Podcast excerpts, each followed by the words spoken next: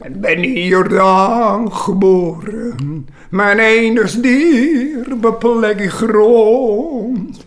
Daar waar die oude Westertoren geprezen wordt van een mond tot mond. Dat begon zo mee.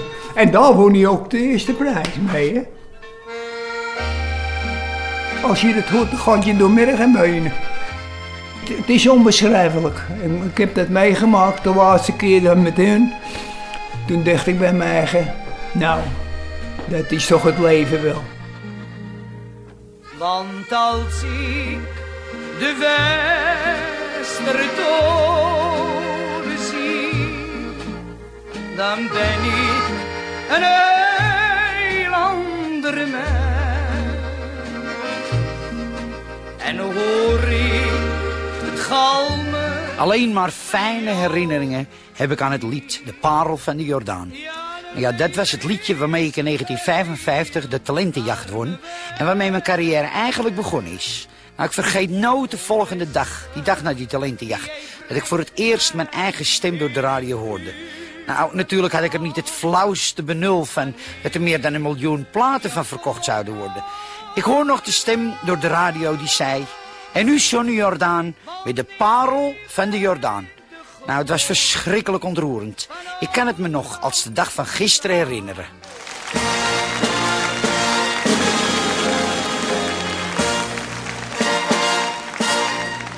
Maar als ik me Westertoren zie, dan ben ik een heel ander. Het is 2 maart 1955. Amsterdam heeft 10 jaar de tijd gehad om op te krabbelen na de Tweede Wereldoorlog. De stad was beroofd en berooid achtergebleven en moest langzaam weer trots op zichzelf worden. Maar in de straten van Amsterdam broeide het. Dit is Rewind. Over de dag dat dankzij een liedjeswedstrijd in Hotel Krasnapolski de spirit van het volkse Jordaanlied de harten van heel Nederland veroverde.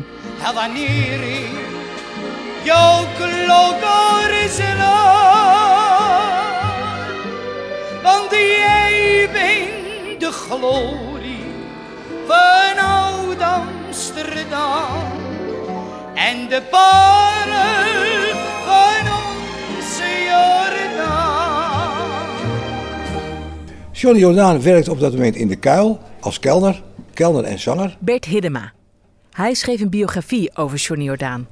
En de Kuil was dus de steeg tussen de Nieuwendijk en de Damrak. Dus half Amsterdam, die vanuit zeg maar, de Haarlemmerstraat kwam, Haarlemmerdijk kwam, naar de Walletjes liep, kwam langs de Kuil. En er was een café, er zongen altijd mensen, iedereen die er binnenkwam kon, kwam, kon meezingen, of die kon een liedje gaan zingen, et cetera. En het was dus een voedingsbodem ook voor het Amsterdamse lied. En Johnny was daar zanger en, eh, en- kelder. En die eh, was heel populair. Er kwamen ook wel eens talentenjagers binnen. En, maar ja, als Johnny soms zagen zoals hij bezig was, zoals hij praatte. Ja, elke, elke drie woorden een vloek, et cetera. Die was niet geschikt zeg maar, voor de Amsterdamse, voor de Nederlandse huiskamers. Maar tegelijkertijd had je in de Jordaan platenwinkel De Draaitafel van Gert Bruggeman. En die organiseerde altijd feesten in de buurt. En dan kon iedereen die wilde zingen, kon daar zingen. Altijd mensen dansen met elkaar, draaiorgels, accordeons, altijd feest. Die heeft de pruimen gedaan.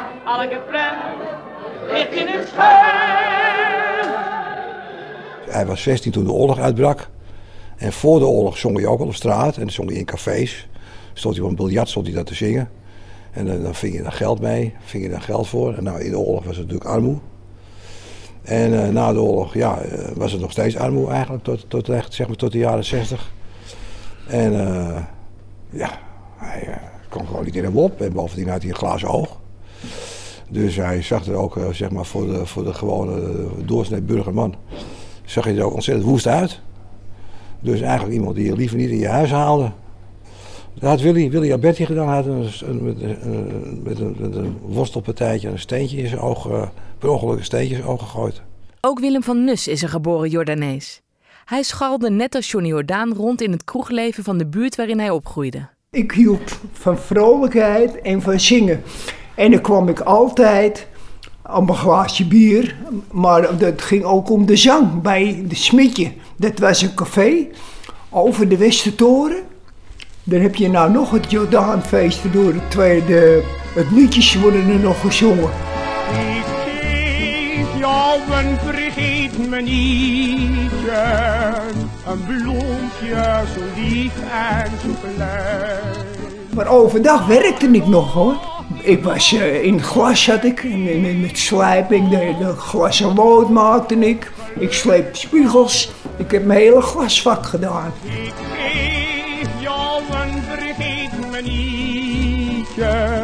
Ik vond het in het stille. Ik woonde op eh, de Lauliester 22, woonde ik boven op een klein, klein hokje, zeg ik maar. Dat was dit nog een kamer bij.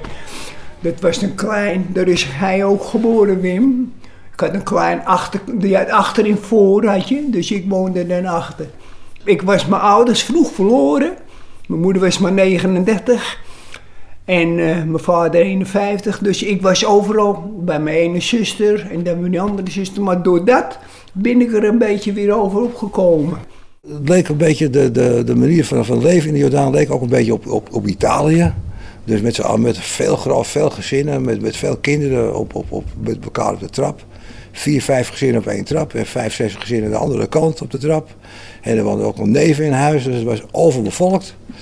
En de mensen hadden ook geen geld. En de, de, de vaders die, die, die, die, versopen al hun geld in de kroeg. Wat ze hadden verdiend, et cetera. Dus de Jordaan was dus eigenlijk de wijk van het huisgod. Dus vaak werden die, eh, werden die salarissen ook betaald eh, in, in cafés. Zodat, eh, ja, dan bleven ze in het café hangen en dan, was nou, wisten ze wel hoe laat het was. Pa was weer lam en het geld was op de hele week. Dus het was eigenlijk ook een beetje, ja, zoals Napels, zoals in Italië. Van, eh, en zo leefde ook natuurlijk onbezorgd. Ze waren zeer gasvrij. Eh, je kon altijd langskomen en als er een druiger in de straat eh, binnen kwam rijden, dan gingen de vrouwen meteen naar buiten en dan gingen ze met elkaar dansen op, op het druiger, gewoon op door de weekse dagen. Ze waren gek op muziek, gek op opera, van oudsher. Zongen ze ook altijd mee. Dus ja, als je talenten moest hebben in Nederland, die moest je zoeken in de Jordaan. Op die afgekeurde woning. Dat had je ook in heel Amsterdam had je dat toen.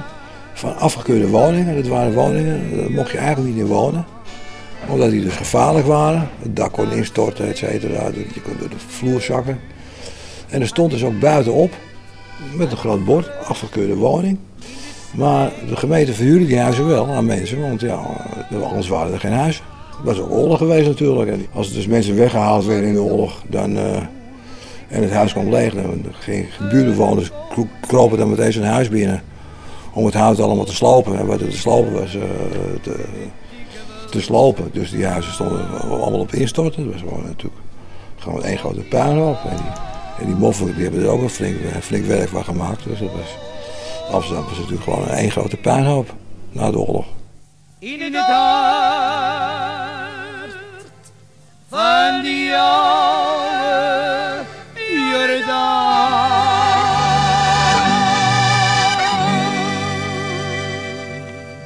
Afgekeurde woning.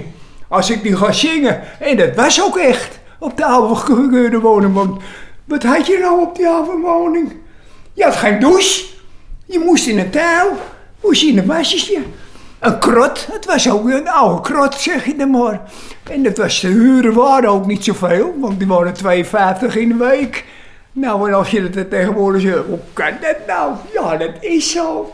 Elk, elk dubbeltje moest omgedraaid worden. Als je werkte, verdiende je ook helemaal niks. Er was, er was ook helemaal geen geld. Nou, De suiker was, ik weet niet wanneer de suiker van de bon is gegaan, maar geloof ik was in de jaren 52 of zo. De suiker, het zat suiker op de bon. Kon je dus niet onbeperkt suiker kopen. En dat was na de oorlog was het met alles zo. Boter, alles, kaas, alles was op de bon.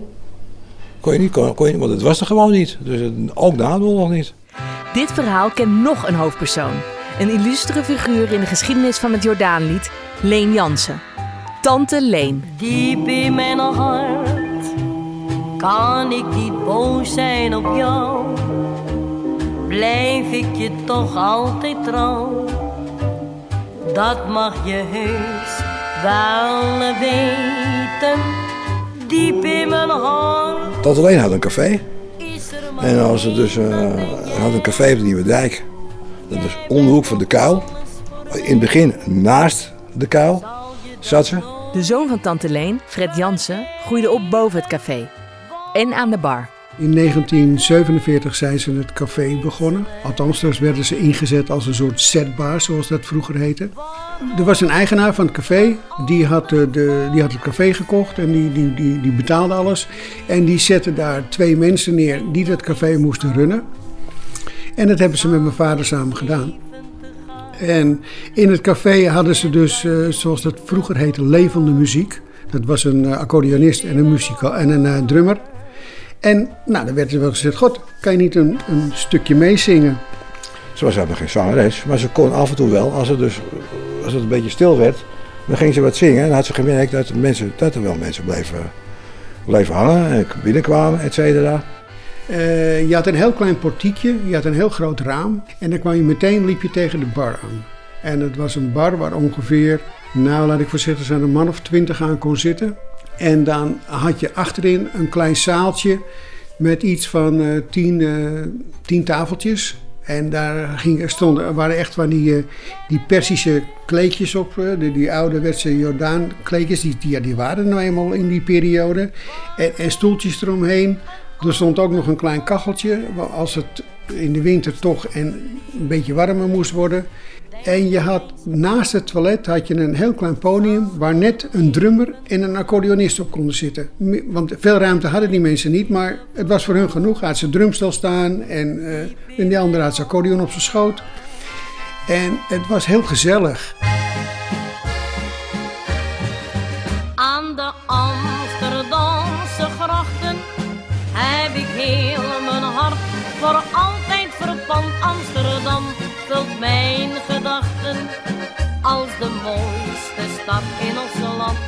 Café ging om 12 uur open 's middags.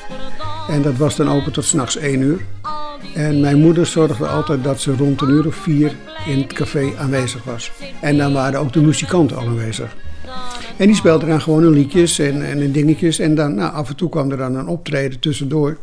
En ik was als kind, ja, ik kwam gewoon van de lagere school naar huis toe.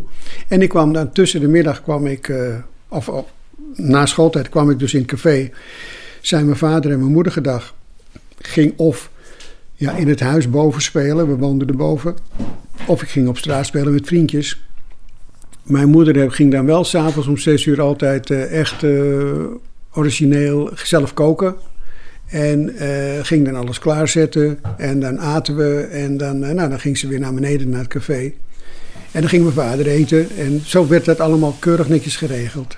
Dus ja, het personeel zei ook tegen haar, ja, ga ook meedoen. En eh, ja, dat wilden ze dus absoluut niet.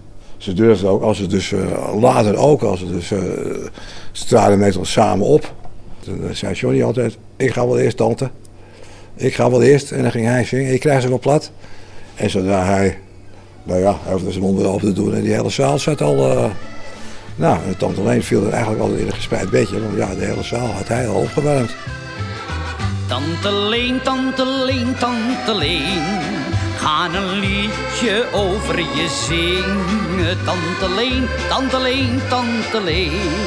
Ik weet alleen niet waarmee te beginnen. Er zijn natuurlijk heel veel liedjes eh, gezongen over de Jordaan. En, en ook veel over het, het, het leed en de liefde die er toch waren. Dat deed ook Willy Alberti bijvoorbeeld enorm. En eh, ja, dat, dat waren liedjes, dat vond iedereen mooi. En eh, wat heel veel beluisterd werd in Jordaan vroeger, dat was opera.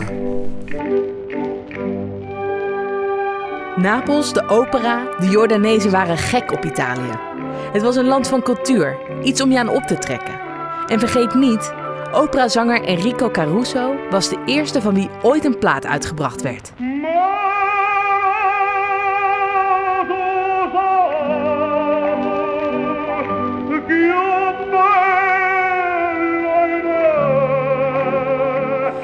Willy Alberti, de neef van Johnny Jordaan, nam zelfs een Italiaanse naam aan en zong ook af en toe in het Italiaans. Come prima, più di prima t'amerò. Per mia vita, la mia vita ti darò.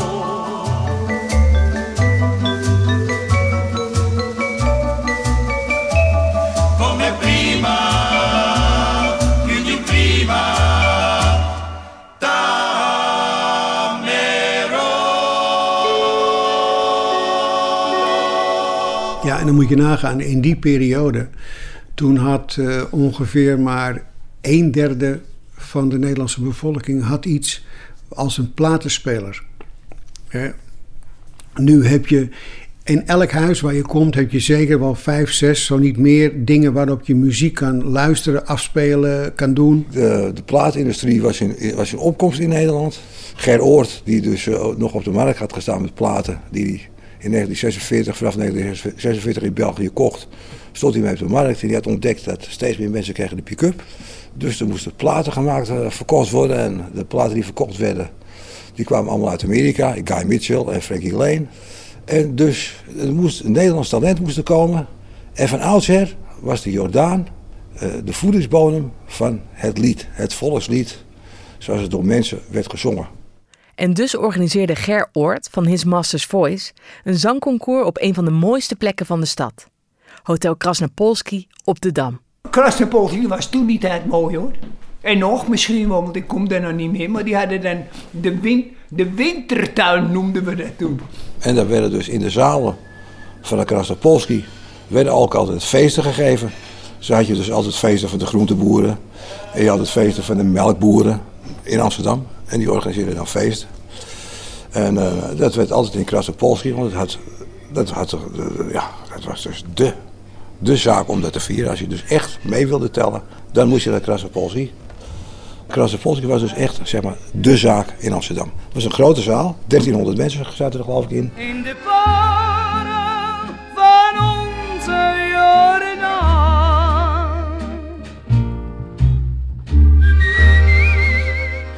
Krasnopolski vult zich die avond tot de nok. Jordanezen zetten alles opzij om te zien wie uitgeroepen wordt tot stem van de Jordaan. En daarmee tot vaandeldrager van hun wijk. De finale was dus, was dus op, op 2 maart. En zijn baas die had, had al tegen hem gezegd: als je meedoet, mag je niet meedoen aan de finale, want je hebt, dan heb je geen vrije avond. Dus die Johnny werd op, straf, op slag ontslagen. Ja, het was, je was spanning. De spanning allemaal op het, wat zou, wie zou het worden, want wat hadden we er onder elkaar. Tante Leen, ja, nou ja, we waren elkaar, je kunt, je gunt het elkaar nou wel. Nou ja, toen kwam in ene, kwam John natuurlijk naar voren. Hij zong ook een mooi, het is om niet te vergeten, hij zong ook, hij zong een mooi liedje. De mensen braken de zaal af. Iedereen wist al meteen dat hij gewonnen had en dat het al volkomen terecht was.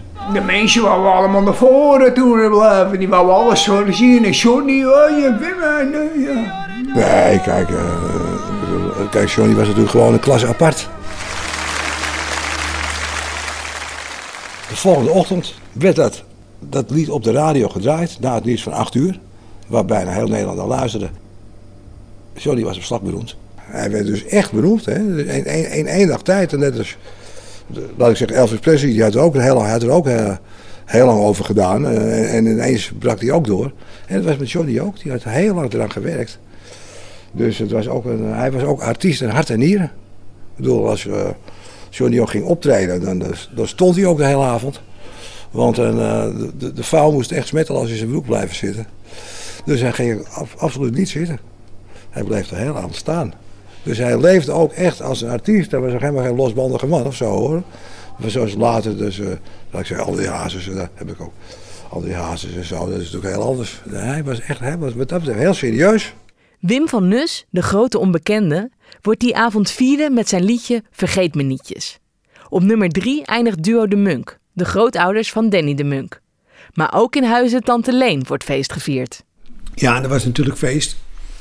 En want ja, je was uh, toch uh, tweede geworden. En je kreeg een platencontract. en nou, dat is allemaal spannend en nieuw. En uh, er moest naar een studio in Heemstede gegaan worden. Want er moest een plaat opgenomen worden. Voor beide. En dan wordt er gezegd van God, kunt u niet een keer optreden voor dat? Kunt u niet een keer optreden daar? Maar mijn moeder dacht wel altijd in eerste instantie aan haar eigen café. Want ja, daar kwamen de klanten op een gegeven moment. Het werd bekend. En, en, en een paar jaar daarna, dan was het eh, vooral druk in de maanden juli en augustus... als de mensen in Nederland vakantie hebben. En dan kwamen de mensen ook wel met bussen uit, eh, weet ik veel waar vandaan, naar Amsterdam. En dan, eh, maar het café was niet zo groot. En als er dan een bus van 40, 50 man kwam, dan was het café vol. Maar dan kwam er een half uurtje later weer een bus. Ja, die, konden daar niet, die mensen konden er dan niet in. En er zaten toen de tijd vier cafés na, naast elkaar. En het café daarnaast, daar stuurde mijn moeder dan altijd de klanten naartoe. Ga daar maar naar binnen toe. En dan roep ik je wel. En dan op een gegeven moment, na zo'n drie kwartier, gingen die andere mensen weer verder. En dan kon die andere ploeg naar binnen komen. Dus ja, mijn moeder had dus heel veel optredens, maar merendeel was dat in het café zelf. Maar uiteindelijk is de doorbraak van Johnny Jordaan en Tante Leen veel meer dan een persoonlijk succes. Het is een katalysator voor de hele buurt. En misschien zelfs wel voor heel Nederland. Ja, nou ja, kijk, eh, toen op het moment dat kijk, dat, dat, dat Johnny die, dat concours won, dat won hij eigenlijk nou ook namens de hele Jordaan. De hele Jordaan waren ontzettend trots over. Nou, dit was eigenlijk de erkenning van hun cultuur in Nederland. Want dat, dat is nog steeds zo. Dat, dat, heel, dat heeft een hele grote, heeft heel veel impact gehad. Dat Jordaan lied op, op de Nederlandse, Nederlandse muziek. Dus uh, ook het sentiment wat er omheen hangt, dat is toch. Uh... De Jordanezen, het volk dat nostalgisch durft te zijn naar een tijd waarin we helemaal niets hadden, dat niet zwelgt in armoede, maar zich verenigt en moedig voorwaarts gaat. Het kan haast geen toeval zijn dat deze doorbraak tien jaar na de oorlog kwam. Nou ja, dat is toeval hè. Einstein heeft eens een keer gezegd: uh, toeval is Gods manier om, uh, anoniem te blijven. Dus, uh, en daar zit ik wel wat in op het einde van de manier. Maar het is wel leuk om over na te denken. Dat is wel wat anders, 1955. Want is, toch, ja, in de jaren 60 begon eigenlijk een beetje zo'n beetje de welvaart in Nederland. En het is dus, in 1950 was het dus absoluut niks. En in, zo, in de jaren 50 is het natuurlijk toch het leefklimaat in Nederland wel verbeterd. Ja. De Jordaan van nu lijkt in niets meer op die van de jaren 50. Het is een juppenbuurt geworden. En de oorspronkelijke bewoners wonen nu vooral in Purmerend en Almere. Het Jordaangevoel, het Jordaangevoel bestaat nog altijd in Amsterdam. Al moet je er tegenwoordig met een vergrootglas naar zoeken. Je gaat natuurlijk mijn zoon nemen wel eens mee. Dan gaan we naar de stad en zeggen, oh wat is dit toch veranderd. De mensen lopen langs elkaar heen, kijken niet eens wie dit is of dus ze lopen over je heen. Dat, dat ziet mij wel eens dat ik denk, nee mensen, maar dat kan niet anders, want de bevolking is zoveel veranderd. Er zijn meer mensen bijgekomen, moet ook geholpen worden. Want er is nog armoede genoeg in de andere landen. He, dan zeggen ze hier wel, ja maar dit en dat. dat nee, dit, dat is zo. Dat is het leven. Want er moet gegeten worden. Er moet klaargestampt worden voor de mensen. Maar wees goed voor een ander. Dan krijg je zelf je mooie liefde terug. Dit was Rewind over Johnny Jordaan. De eerste in een reeks van drie over het levenslied. In de volgende aflevering zingt de zangeres zonder naam ter meerdere eer en glorie van schrijver Gerard Reven. Rewind werd gemaakt door Atze de Vriezen. Montage Alfred Koster. Voice-over Anne Moraal. Zou er ook een Jordaan in de hemel bestaan? Net zoals in mijn oud Amsterdam. Zou er hoog in de lucht ook een torenklok slaan als de Wester in Amsterdam? Ik zal het nooit weten, al wil ik het graag. Want het blijft op den aarde een vraag. De hemel bestaan, net zoals in mijn